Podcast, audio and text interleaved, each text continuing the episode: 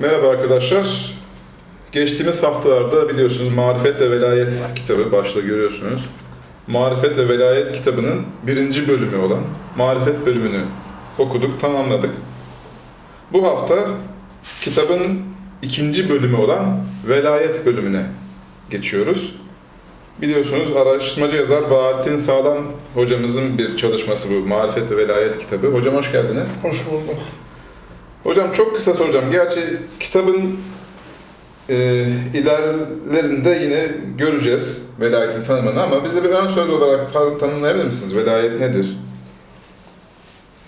Şimdi marifetten sonra yani varlığı tanıdıktan sonra Allah'ı tanıdıktan sonra Allah'a yakınlaşma nasıl sağlanır?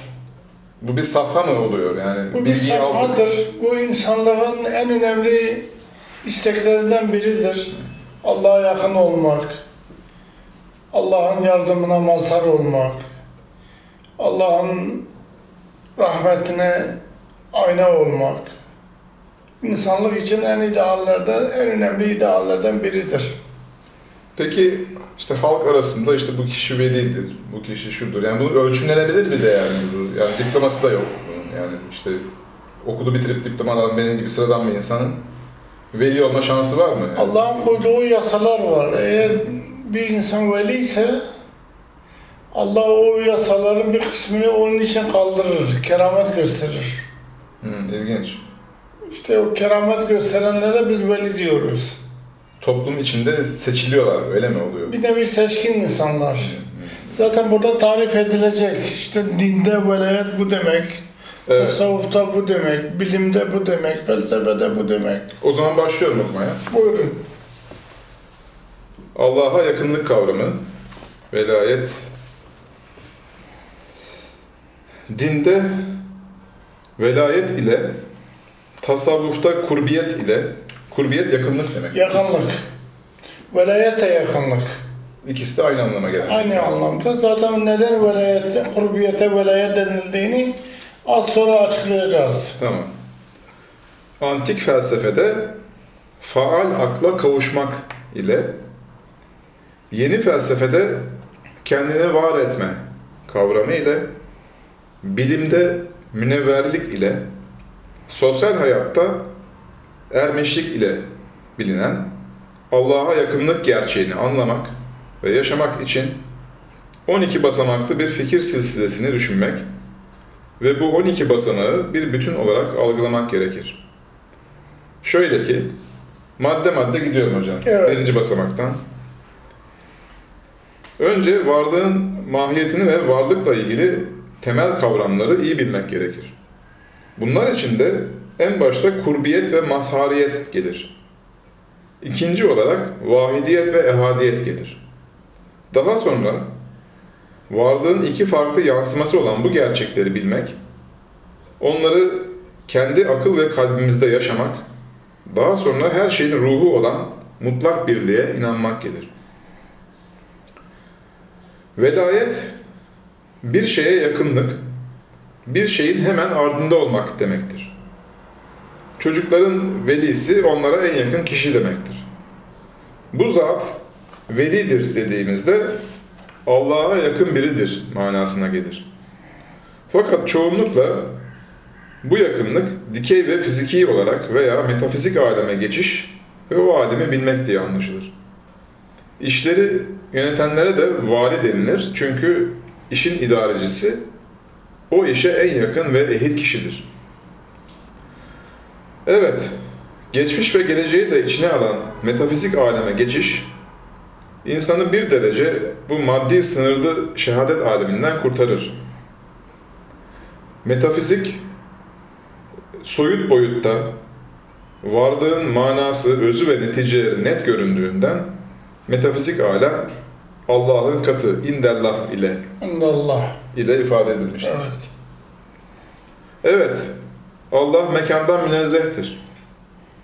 O gayb aleminde etkin olduğu kadar şehadet aleminde de etkindir.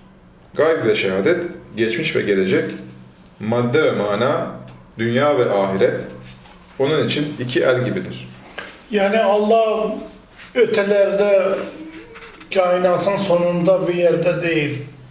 Allah'a yakınlık oraya gitmek demek değil. Allah her yerde hazır ve nazırdır.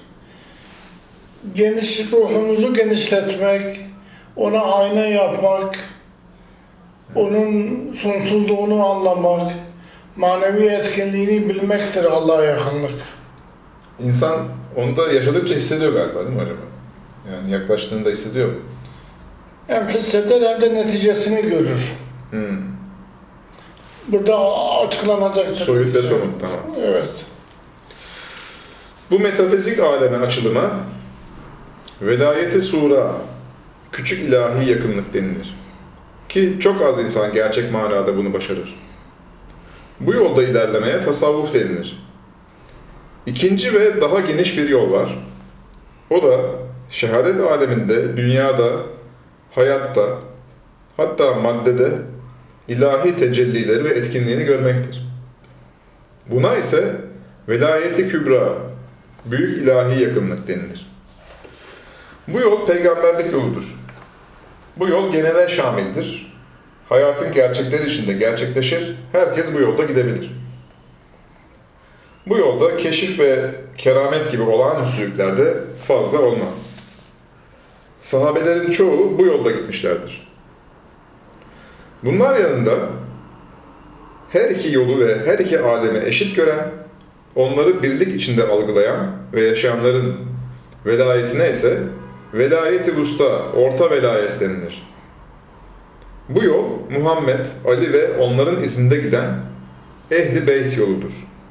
Asıl kurbiyet ve asıl mazhariyet yani gerçek manada Allah'ın yakını olmak ve varlığın birer hazineleri olan Allah'ın isimlerine mazhar olmak bu üçüncü yoldadır.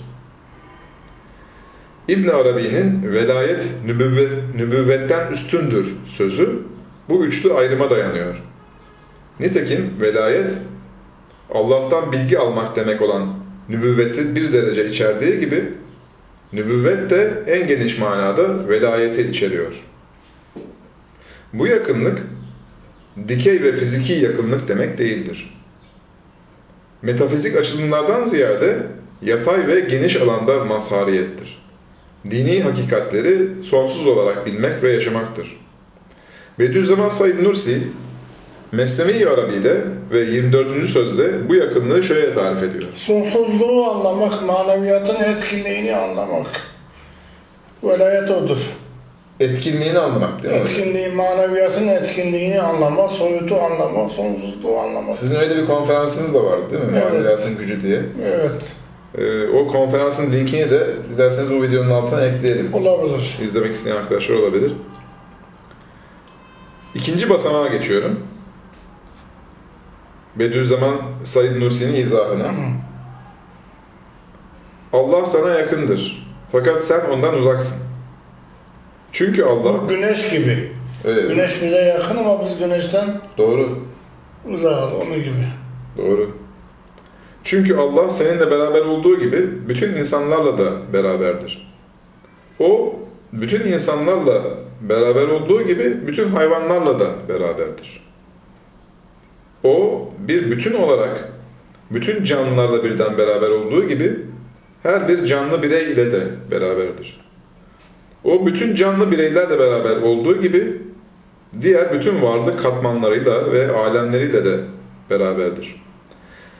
En geniş varlık katmanından ta atomlara kadar, ta kuantum parçacıklarına kadar, ta bütün ruhaniyat ve maneviyata kadar, hatta vehim ve hayalinin gitmediği bütün alemlere kadar o her şeye yakındır ve her şeyle beraberdir.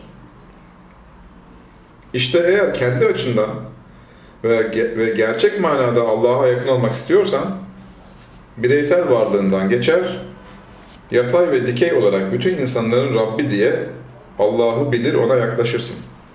Bütün yaratıkların Rabbi diye. Bütün insanların Rabbi diye yaklaşmak kolay değil. Öyle değil mi? Tabii o insan kendi Rabbi olduğunu hissedebilir, inanabilir, anlayabilir ama bütün insanların Rabbi olduğunu inanmak, bütün onları kontrol ettiğini, imtihan ettiğini, mükafatlandırdığını, inanmak o kolay değil. O biraz sevgi, Akıl genişliği istiyor bir genişlik istiyor. Evet hocam. Yani Allah'a yakınlık genişlenmek demektir. Zaten değil mi? Yoksa dikey olarak bir yere gitmiyoruz. Yani manen genişleyince Mana genişleyince Allah'a yakın oluyorsun. zaten değil mi? Dün, işte dünya çapında bir ayna olduğun zaman güneşi daha büyük görmen gibi. Doğru. Her tarafa sirayet eder bu sefer. Doğru. Evet. Sonra ruhen soyutlanıp bütün canlıların Rabbi diye ona yanaşırsın. İlk önce bütün insanların dedi değil mi? Sonra bütün Sırayla. canlıların dedi. Sırayla basamak. Katman katman gidiyor. Bu şekilde 70 bin perde denilen 70 bin mertebe vardır. 70 sayısı burada çokluk manasına gelebilir. Asıl velilik ve yakınlık bütün bunları geçmekledir. Çünkü Allah senin yanında olduğu gibi her şeyin de yanındadır.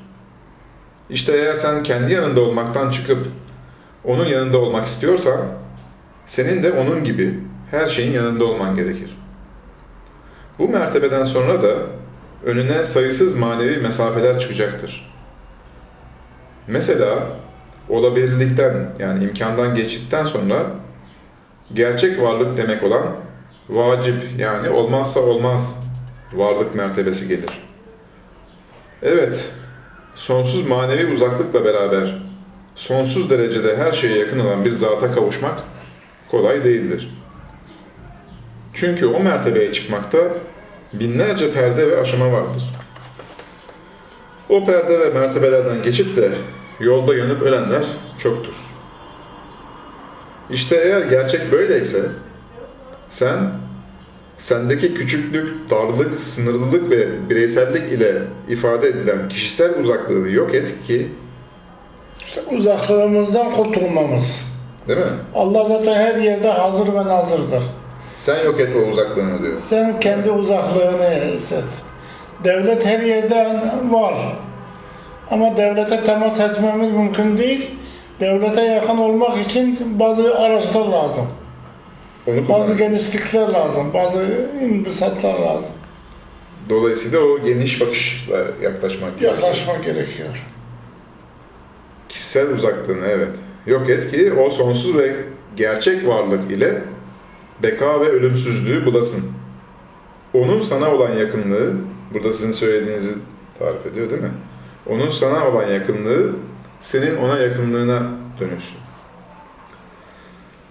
Demek fiziki ve dikey olmayan Allah'a yakınlığın manası ve hakikati bu iken maalesef biz her kavramı zihnimizde somutlaştırdığımız için meseleyi adeta putperest müşrikler gibi anlamışız.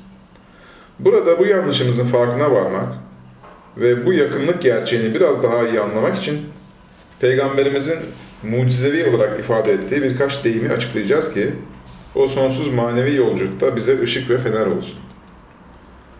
Şöyle ki, üçüncü basamağa geçiyorum. Sübuhatü veçillah. Lafzen Allah'ın yüzünün ter damlaları demek olan bu tabir, Allah'ı maddileştirmekten tenzih için sözlüklerde Allah'ın tecellisinin nurları diye çevriliyor.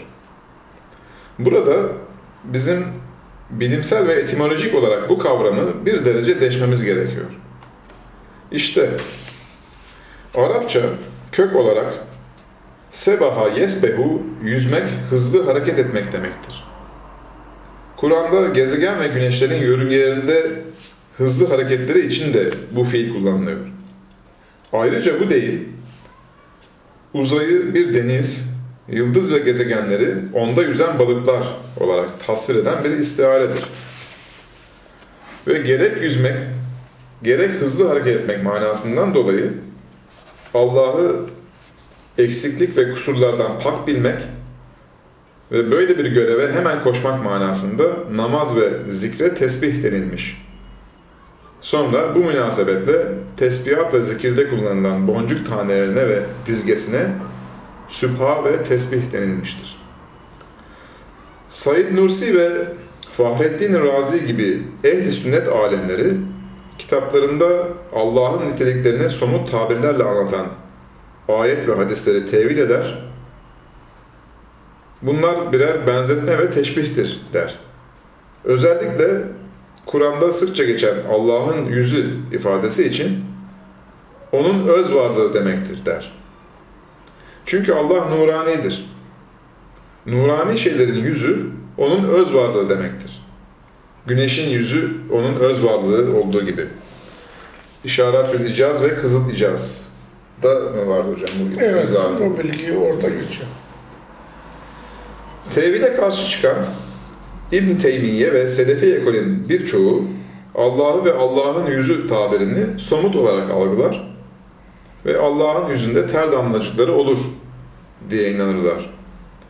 Lisanül Arap denilen temel lügat kitabı bu yanlış anlaşılmayı önlemek için ısrarla ve tekrarla Sübhatü ve çillah ilahi tecelli nurları demektir diyor.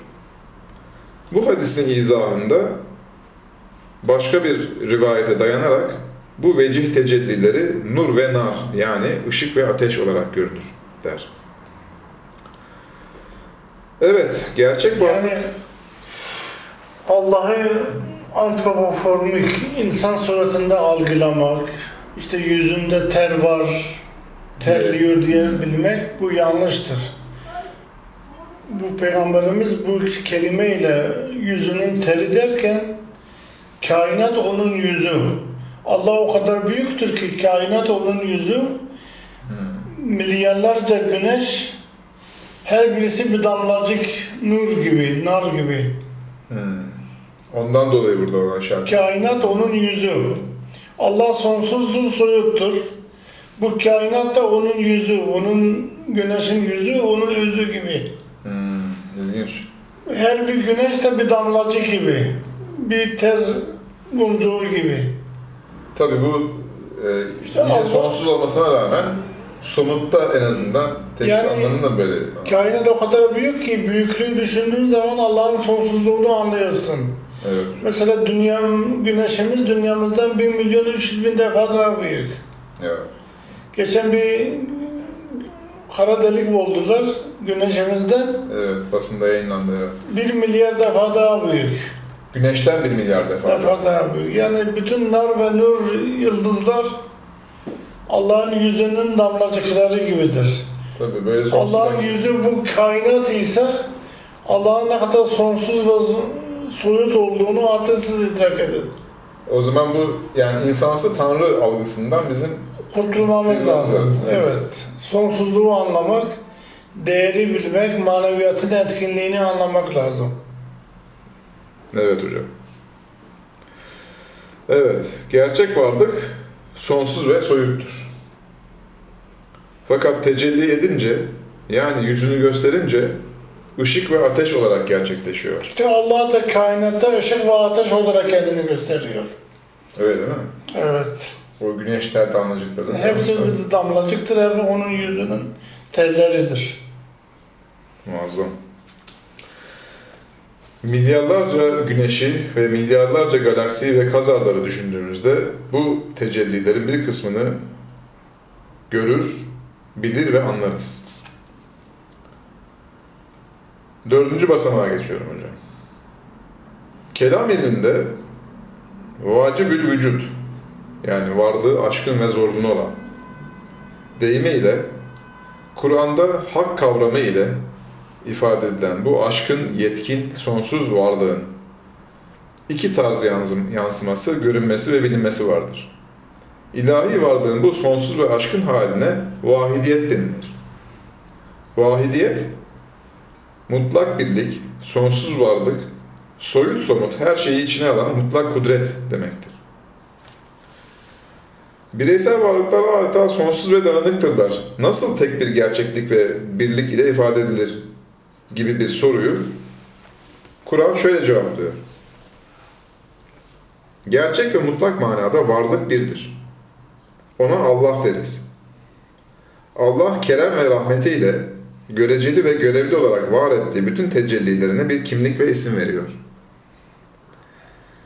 Eğer göreceli ve görevli yönleriyle Allah'ın varlığından ayrı olan bu varlıklar düzene ve bütünlüğe aykırı giderlerse Allah Kahhar ismiyle onları yine birlik ve düzen içine koyar.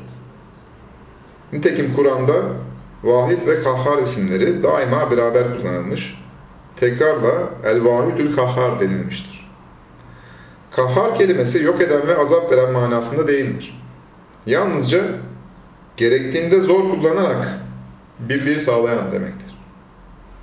Kahraman kelimesi bu kökten gelir. Oradan mı geliyor hocam? Evet. Kahraman. Çünkü kahraman kopuk ve dağınık işleri birleştirmekle başarılı olan demektir. Aslında bizim azap dediğimiz gerçeklik, kişi istemediği halde Allah'ın birliği ve bütünlüğü sağlamak için güç kullanmasıdır. Demek azap özü itibariyle kişi tarafından istenmeyen bir nevi güzelliktir. Yani sen sonsuz birliğe ayak uyduramamışsın, dışına çıkmışsın. O da seni o birliğe katmak istiyor. Katarken zor kullanıyor. İşte o zor kullanılması O itici güç, itici güç azap diye. biz onu öyle hissediyoruz, azap, azap gibi hissediyoruz. İtilince azap oluyor. İtilince acaba, ama kendi rızamızla düzene girsek Düzene girsen azap olmayacak. Direkt değil mi? O de, itici güç devreye girmeyecek. Demek kahır, yani kahharın değil mi şey icraatı? Kahır mutlak yokluk ve işkence değildir. Beşinci basamak. Dinde bu sonsuz birliğe vahidiyet denilir. Bu mertebeyi, bu aşkınlık ve sonsuzluk boyutunu idrak için dinde tesbih ve sübhanallah deyimi vardır. Akıl ve kalp daha çok bu mertebeyle mutmain olur. Bu sonsuz algıya anmak ve bunun sayesinde bağlantı kurmak manasına gelen zikir denilir. Biz sınırlı ve somut bir varlık olarak bu mertebeden çok uzarız. Fakat o mutlak varlık, bütün kemalatı ve nimetleri içerdiğinden bizim istifademiz ve göreceli manaların gerçekleşmesi için sınırlı bir çapta özel olarak mahiyet bölünmeden tecelli eder. İnsana sayısız nimetler, dostluklar ve güzellikler olarak görünür. Bu özel yansımaların dindeki isimleri ehadiyet tecellileridir. Burada bu tecelli kozmoz olur, ekoloji olur, ermiş bir insan olur, sonsuz nimetler olur. Bu boyut daha çok nefse bakar. Buna da doyma ve memnuniyet manasında şükür denilir. Bu manada nimet ve tecelliler somut olduğundan ve nefis ancak somut şeyleri algıladığından şükür daha çok nefse bakar. Zikir ve bağlantının daha çok kalp ile olduğu gibi. Evet, Arapçada yaratma manasına gelen halk etme fiili etimolojik olarak Allah'ın sonsuz olan ve şekli olmayan o aşkın varlığının tecellilerine şekil vermesi, kullanılabilir ve yararlan, yararlanılabilir hale getirmesi demektir. Galiba yaratmak, Türkçe'de etimolojik yönüyle bu manaya gelir. Evet, yaratmak, sonsuz varlığı yarmak, kullanılabilir hale getirmek, onu yararlı ve yer yapmak demektir. Mesnevi Arabi'de bu beşinci bentte anlatılanları ifade eden özet ve önemli bir cümle var. Tesbih, bizim Allah'tan uzaklığımızın ifadesidir. Hamd de onun bize yakınlığının ifadesidir. Evet. Bu ilginç bir tespit. Hmm. Aşkın iken tesbih çekiyoruz. Uzaklığı için tesbih çekiyoruz. Bize benzeme işi için tesbih çekiyoruz. Yakınlığı için, nimeti için, bize benzeyişi için hamd ediyoruz. Yani Sübhanallah ve Elhamdülillah. beraber kullanılır zaten. İslam'da uzaklık ve yücelik makamına tenzih denilir. Tesbih kelimesi Tesbih, ile tesbih evet. tesbih kelimesiyle ifade edilir. Nimet ve yakınlık makamında Allah'ı algılamak, onun sonsuz rahmetinden istifade etmek makamına da teşbih denilir. Hamd kelimesiyle ifade edilir. Ayet-el Kürsi'de birinci mertebe için ulviyet, ikincisi için azamet tabirleri kullanılmıştır. Ve huvel aliyyül azim O Ali ve azimdir denilmiştir. Bu iki makamı sonsuz soyut çerçevede birleştirmeye kibriya ve hakkaniyet yani kusursuzluk ve gerçeklik makamı denilir. Kibriya sonsuz büyüklük demektir değil mi hocam? Evet sonsuz büyüklük, Azamet maddi büyüklük. maddi büyüklük.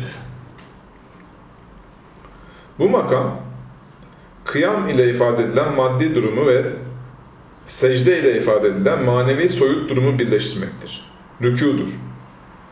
Bu denge durumuna İslam ve rahmet çizgisi de denilir.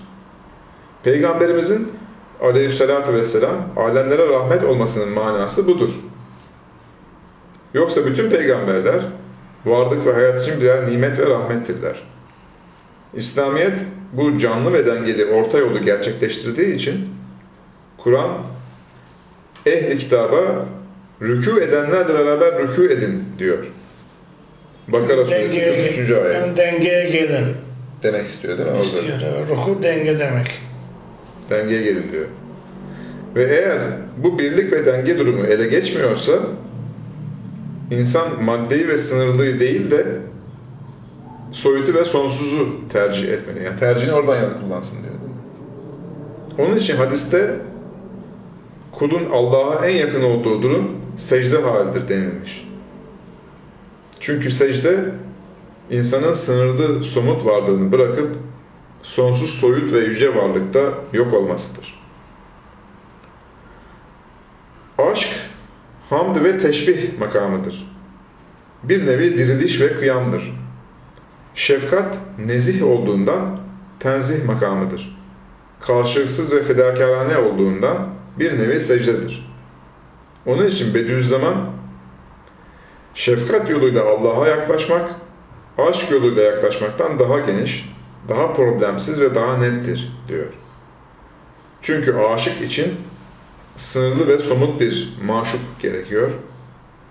Sınırlı ve somut bir yolda ise birçok badireler insanın önüne çıkabilir.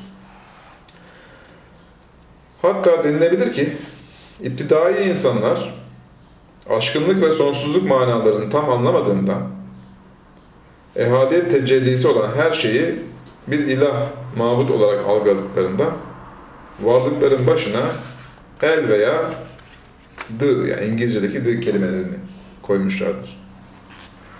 Samilerde el kelimesi Allah demek olduğu gibi Hint Aryenlerde de the edatı edatı Allah demektir. Teo yani. Teo değil mi? Teo oradan geliyor. Oradan geliyor. Bu eski Yunan'da da vardı hocam.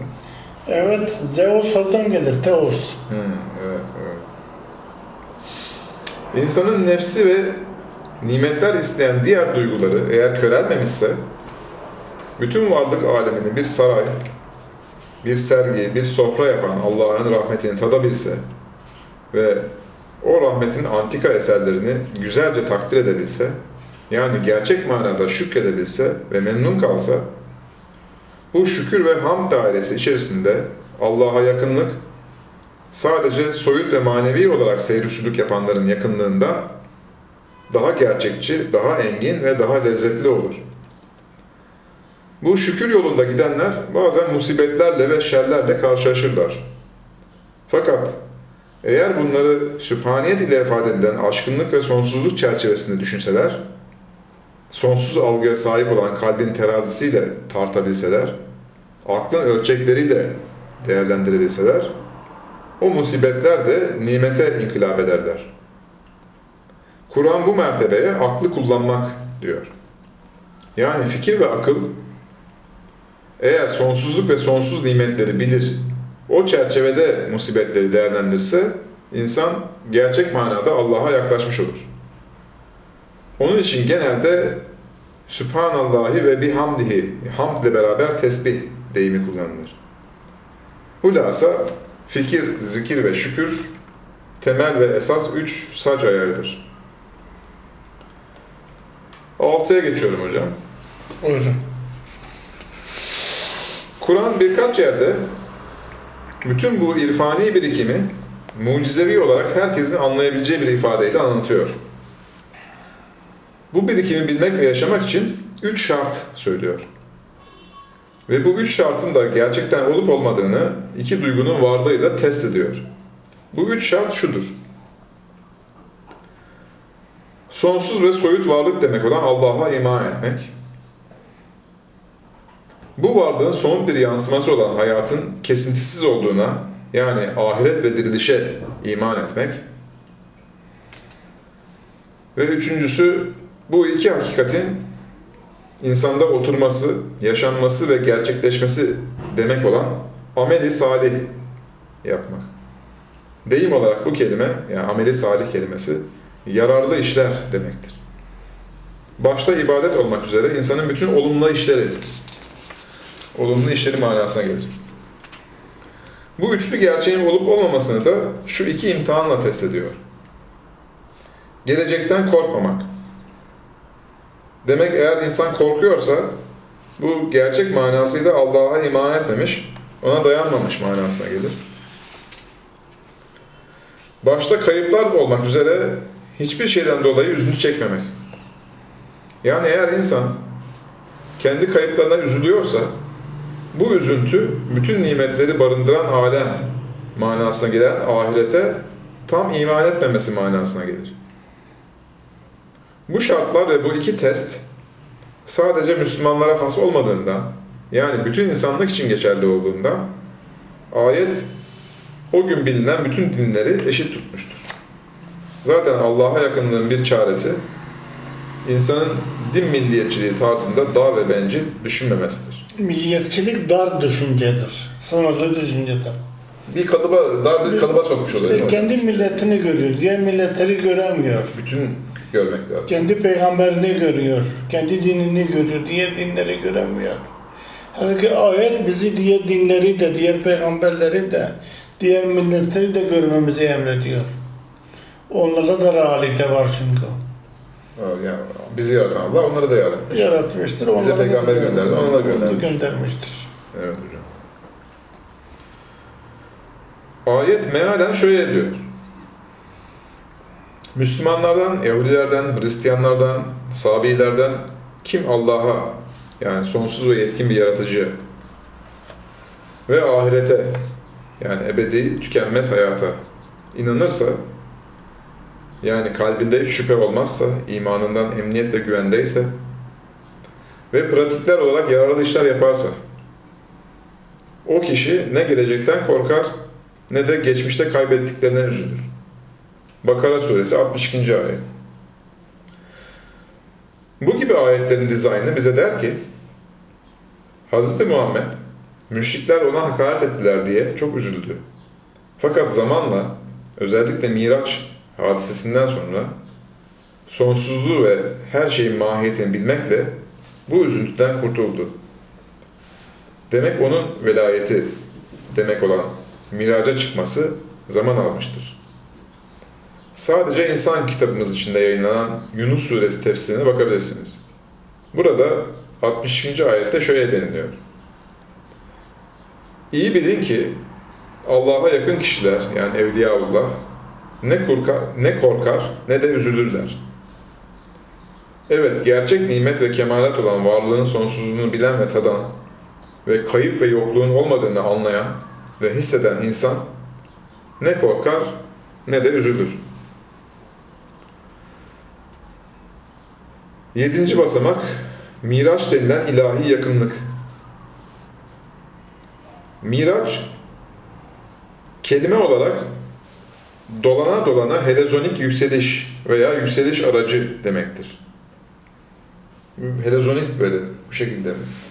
Kainattaki bütün hareketler yuvarlaktır Ve dönerek yükseliyor. ve, ve yükseliştir. Bir şey hem yuvarlak hem yükseliyorsa, yuvarlak dönüyorsa ve yükseliyorsa helezonik Helezoniktir. o olmuş oluyor. Doğru. Görünen ve görünmeyen fizik ve metafizik alemleri ilgilendiren bu ontolojik kavramı üç aşamada şöyle anlayabiliriz. A. Bu meselede birinci özne Allah'tır. İnananların çoğunun bildiği gibi Allah madde ve mekandan, şekil ve biçimden münezzehtir. Kelam ilmi tabiriyle o Celle Celaluhu mücerrettir, soyuttur. Kur'an Allah'ın varlığının bu boyutunu şöyle tarif ediyor. Allah gökleri ve yeri çok güzel bir şekilde yaratandır. Yani demek onun şekli olamaz. Hiç onun evladı olur mu? Demek o maddi değildir. Buradan bunlar çıkıyor değil mi hocam? Evet. Evladı yok derken maddi değildir demek istiyor. Değil mi? Yoksa evladının olmadığı bedihidir. O zaten açık yani. Hı. Çünkü onun eşi hiç olmadı. Demek madde ve somut nesneler diyalektik süreç yani zıtların çatışması cemi ezzat ile oluyor. Allah ise her şeyin yaratanıdır. Her şeyin biçim ve şeklini yaratandır. Çünkü her şey Allah'ın sonsuz ilminin yazılımı, form ve takdiriyle varlığa geliyor. 6. sure 101. ayet. İşte bu sonsuz Allah'tır. Geliştirmek için zıtlarla ve somut yaratılışla siz insanları ve varlığı geliştiriyor. Rububiyet, geliştirmek, terbiye etmek anlamındaydı. Evet. Aynı kökten gelir. Evet, Allah zıtları ve sınırlı yaratılışı terbiye için var etmiştir. Demek yalnızca ona tapılır. Çünkü başka her şey onun kudretiyle şekil almış sınırlı şeylerdir. Artık sadece ona ibadet edin. Çünkü o her şeyi koruyan ve yönetendir. 6. sure 102. ayet. O sonsuz ve soyut olduğundan gözler onu göremez. Fakat o gözleri görür. Latif ve habir sadece odur. Bu da 103. ayet. 6. sure 103. ayet. Latif kaba ve somut olmayan demektir. Öz varlığı ilmi olan demektir. Fakat aynı zamanda o habirdir de. Yani o bu sonsuz soyut bilgisini gerçekleştirmede ve somutlaştırmada çok usta ve çok ve üstündür. Çok usta ve üstündür. Ve Miraç meselesinde ikinci özne bir insan olan Hazreti Muhammed'dir. Bu da insan olarak böyle sonsuz ve soyut bir varlığı göremez. Ayrıca bütün kozmosu geçmesi için zaman ve hız sınırları yetmez. Ve ayrıca Allah mekandan münezzeh olduğundan onu görmek için mesafe kat etmek gerekmez. Peki bütün bu gerçeklere rağmen rivayetlerin tasvir ettiği Miraç hadisesinin manası nedir? Varlığın ve dinin bu bilinmesini anlamamız için kadim geleneklerden gelen bazı şifre sözlerin açılımını anlamamız gerekir. Şöyle ki, Allah vahidiyet ve letafet itibariyle görünmez. Fakat külliyet ve kanuniyet üzere sayısız noktalarda, farklı çaplarda ehadiyet tecellisiyle görünür, ilgilenir. Peygamber de evrensel manada, varlıklarla şahsi manada konuşur. Hz. Muhammed Miraç'ta Allah'ı gördü sözünün manası, bu ehadiyet tecellisi de Allah'ı gördü demektir. Nitekim Bediüzzaman Miraç Risalesi'nde bu meseleyi cilve-i ehadiyet olarak Allah'ın zatıyla görüştü şeklinde izah ediyor. Cilve-i ehadiyetle zat-ı ilahiyi gördü diyor. Bu ifade bütün esma ve sıfatın, bütün ilim ve kudretin en geniş çapta müşahhas bir temsiliyle görüştü demektir. Yani ilim ve kudretin en geniş çapta somutlaşmış bir temsili mi? Evet. Yani bir cilvin yansımasını gördüm. Onunla görüştü. Allah sonsuzdur ve soyuttur, görünmez. Ama yansımaları görünür. Devlet soyuttur ve sonsuzdur, görünmez. Fakat devletin bakanlıklarıyla, müdürleriyle görüşülür. Misalinde olduğu gibi. Onun yansımaları gibi değil mi? C maddesi eğer insanın bu cilveyi görmesi için bütün kainatı ve gayb alemini gezmesi mi gerekiyor? gibi bir soru sorulursa cevap şudur. Hayır, Hz. Muhammed fizik olarak hiçbir yere gitmedi. Belki geçmiş ve geleceğiyle, zahir ve batınıyla bütün kainat ona gösterildi, ona yaşatıldı. Bütün kainatın bütün alemlerini Mahiyet ve manası ona bildirildi. Gösterildi, yaşatıldı. Yani kainat ona gösterilince o kainatı gezmiş gibi oldu. Yoksa kendisi bir yere gitmedi. Fiziken kendisinin bir yere gitmesi ışık hızından daha hızlı hareket etmesi gerekir ki bu da muhaldır yani Allah'ın yasalarına Evet. aykırıdır. Ama gösterildi bilgi işlem tarzında onun ruhuna gösterildi her şey.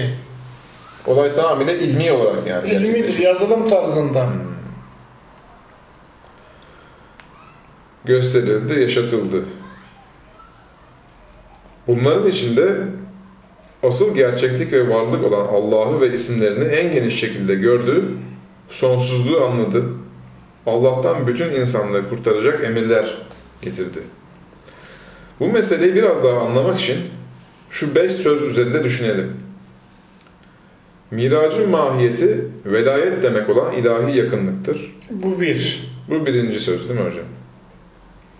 Miraç, alemi gaybda ruhanilere ve meleklere gösterilen bir mucize-i Ahmediye'dir. Metafizik bir olaydır. Fiziki bir olay değil ki fiziğe aykırıdır desinler. Hani o işte yatağı hala sıcaktı falan. o İşte metafizik bir olay. Oradan belli yani metafizik Evet. olay oldu. Miraç gösterdi ki en büyük velayet nübüvvettedir. Miraç, alemi imkandaki bütün varlık alemlerini müşahede etmek, onların mahiyetini ve manasını anlamak ve en sonunda aleme vücuba varmaktır. Bu beş söz için 31. söze bakabilirsiniz. Hazreti Peygamber imkan alemindeki mesafeyi bitirdi. Yer kalmadığından bir ayağını öbür ayağının üstüne koydu. Bu hadis-i şerif değil mi hocam? Evet. Kadir Yaz Şifa-i Şerif. Yani imkan dairesi zıtlardan oluşuyor. İnsanın sağ ve sol ayakları bu zıtların en zirve numunesidir. Zıtlar dünyasında ise sonsuzluk olmaz. Fakat insan ruhen ve kalben sonsuzluğu anlayabildiğinde vücub alemine temas eder. O alemde madde ve mekan olmadığı için diyalektik sürecin bir ürünü olan ayaklarının birini ötekinin üstüne koyar. Evet, kim bu dünyada dahi zıtları, sağ ve solu, sonsuzluk, tevhid ve mana putasında bir yapabilse, o uluhiyet ve vacip varlığı anlar, hatta kalben görebilir. Demek bütün bunlar bilindikten sonra artık Miraç ruhani miydi yoksa hem ruhani hem maddi miydi veya bir insan nasıl bir sonsuz mesafeyi kat edebilir gibi tartışmaların gereği yoktur. Fethullah Hoca Miraç için şöyle der. O aleyhissalatü vesselam bu makamda beşeriyetten çıktı. Bu makamda ona beşer diyemeyiz. Çünkü o sonsuzluğu yakaladı. Madde ve zıtların dünyasından çıktı. Bu makamda ona ilah da diyemeyiz. Çünkü peygamber kuldur. Sonsuz olamaz. Sadece sonsuza entegre olur. Nitekim ibadet kelimesinin manası birinin başkasına tabi olması demektir. Köleye abd denilir çünkü köle daima efendisine tabidir. Burada bir dipnotumuz var hocam. Buyurun. Bu yazının hacmi Miraç hadisesinin bütün olaylarını yorumunu verecek kadar geniş değildir. Sadece namazın 50 farzdan 5'e inmesini ve bu konuda Musa'nın Muhammed'e akıl vermesinin manasını yazmakla yetineceğiz. Şöyle ki, Miraç'ta önce 50 vakit namaz farz kılınır. Sonra Musa'nın tavsiyesiyle 5 vakte indirilir. Ben bazı muhaddisler gibi önce Miraç hadisinin bu kısmını kabul etmiyordum. Fakat Risale-i Nur'da şu gelen cümleyi görünce konuyu anladım.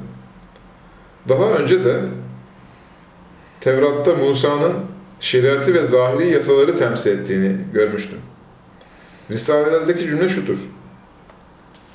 Miraç batinen velayettir. Zahiren risalet ve şeriattır. Bu takdirde yukarıdaki hadisin manası şöyle olmuş olur. Batinen ve velayet itibariyle aslında herkes günde 50 vakit de namaz kılsa yine Allah'ın sonsuz nimetlerine karşı şükrünü eda edemez. Fakat bu durum zahire göre, beşeriyetimize göre, yasalara göre zorlaşabileceğinden Allah şeriatı temsil eden Musa yani şeriat yasası ile namazı beş vakit olarak kabul etmiştir. Ve hadisin sarahati ile her haseneye 10 sevap vererek yine 50 vakit olarak bizden kabul ediyor. Yani 5 vakit kılıyoruz ama 50 vakit kılmışız gibi sevap mı alıyoruz? Sevap kazanıyoruz. Hülasa, gayb aleminin literatürü ve dili farklıdır. Rüya dili gibi de gibi yorum ve izah ister. Fakat gelin görün ki o alemlere karşı ya gözümüz kapalıdır veya baygın düşmüşüz veya uyanık olduğumuzu sandığımız halde aslında uykudayız. Sekizinci basamağa geçiyorum hocam.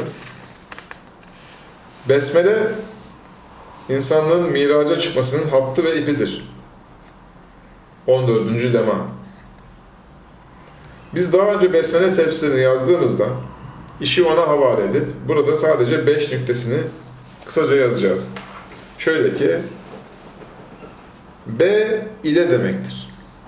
Mana ve kavram olarak nedensellik denilen sebeplere başvurmak, onların vasıtasıyla yükselmek manasını verir. Evet, Arapçada sebep yol demektir. Kur'an'ın 18. suresinin 85. ayetinde açıklanmış galiba. Evet, yol diye geçiyor. İsim, somutlaşmış, sınırı ve niteliği belli olmuş ilim alanı ve ilim dalı demektir.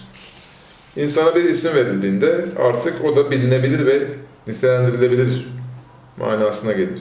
Dini manada bu kelime, Arapça veya İbranice kutsal sözcük, sözcüklerden ziyade bilim dalı ve bilimsel alan demektir. Demek kim daha çok biliyorsa ve daha çok e, özür dilerim burayı tekrarlıyorum.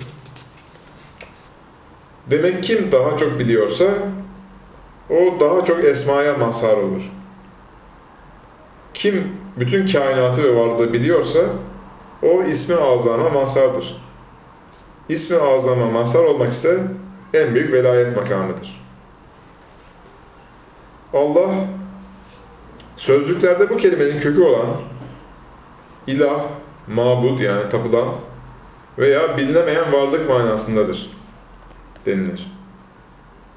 Başına el takısı konup yaratanın özel ismi olmuştur. Evet bu iki mana doğrudur. Çünkü ancak sonsuz olana tapılır ve sonsuz olan varlık gerçek manada bilinemez. Çünkü bilgimiz bir şeye sınır çizip ona tanım getirmek şeklinde gerçekleşir. Mantık ilminde tanıma had denilir. Had ise sınır getirmek demektir. Hani haddini bil dedikleri değil mi? Sınırlandırdığı orada. Hmm. Hudut da bu kelimenin kökündendir. Kendini bilen Rabbini bilir sözünün manası budur. Yani insan sanal bazda kendi duygu ölçekleriyle Allah'ın sınırsız isimlerine bir sınır çizer. Bu şekilde onu anlar. Daha sonra kendi niteliklerinin sanallığını, sanallığını görür. Onların bencilliğinden ve sınırlılığından kurtulmaya çalışır. Gerçek veli olur. Peki Allah soyut ve sonsuz ise bu maddi kainat ve oluşumlar nedir? Allah'ın ortağı mı yoksa onun görüntüsü mü diye sorulursa Kur'an bunu Rahman kavramıyla cevaplıyor. Kur'an bütün bu maddi oluşumlar Allah'ın rahmaniyetidir diyor.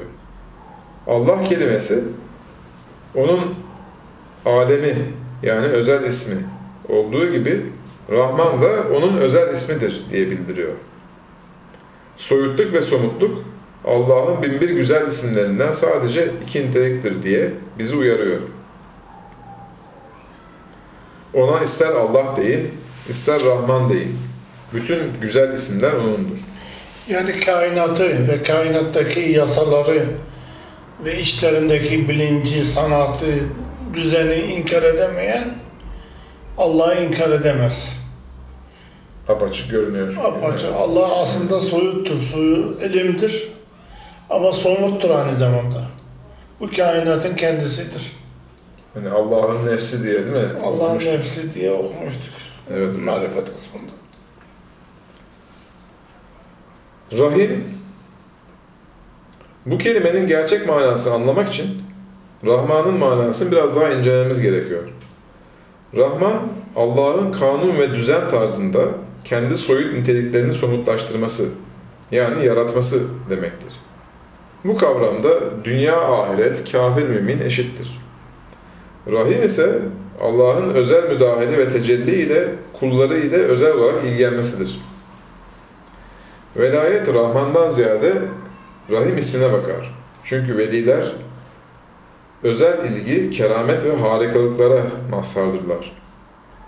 Peygamberlik ise hem Rahman'a dayanır, kanun, bilim ve düzendir, hem Rahim ismine dayanır, metafizik açılımdır, ilahi mucize ve inayetlere mazhariyettir. İnayet kavramı itina kelimesinin köküdür. Allah'ın ekstra ilgilenmesi demektir. İşte eğer bu sırrı anlamışsan, Kur'an vahyi neden Rahman ismine dayandığını, peygamber ve sahabelerin özel durumlarının ise Gafur ve Rahim ismine dayandığını anlarsın. Bu konudaki Kur'an ayetlerini karşılaştırmak gerekir. Gerek kanuni olsun, gerek özel ve manevi olsun. Allah'ın bütün tecellilerine rahmet denilir. Adeta bütün kainat, bütün dünya, bütün insanlık bir rahmettir, ilahi bir şefkattir. Çünkü Allah soyut ve sonsuz varlığıyla hiçbir şeye ihtiyacı yoktur. Hiçbir şeyi yaratmayabilir. Hiç vahiy ve ilham göndermeyebilir. Demek onun ilgilenmesi ve yaratması saf rahmettir. Bu sır içindir ki Sübhaner Rahman değil de Sübhanallah denilir.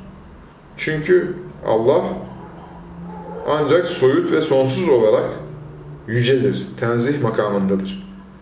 Bu münezzehiyet ile beraber somut yaratılışta birçok kemalat ve olgunluklar var olduğundan Allah eşyayı ve benlikleri yaratıyor, vahiy ve emriyle onlarla ilgileniyor, bütün isimlerim güzeldir diyor.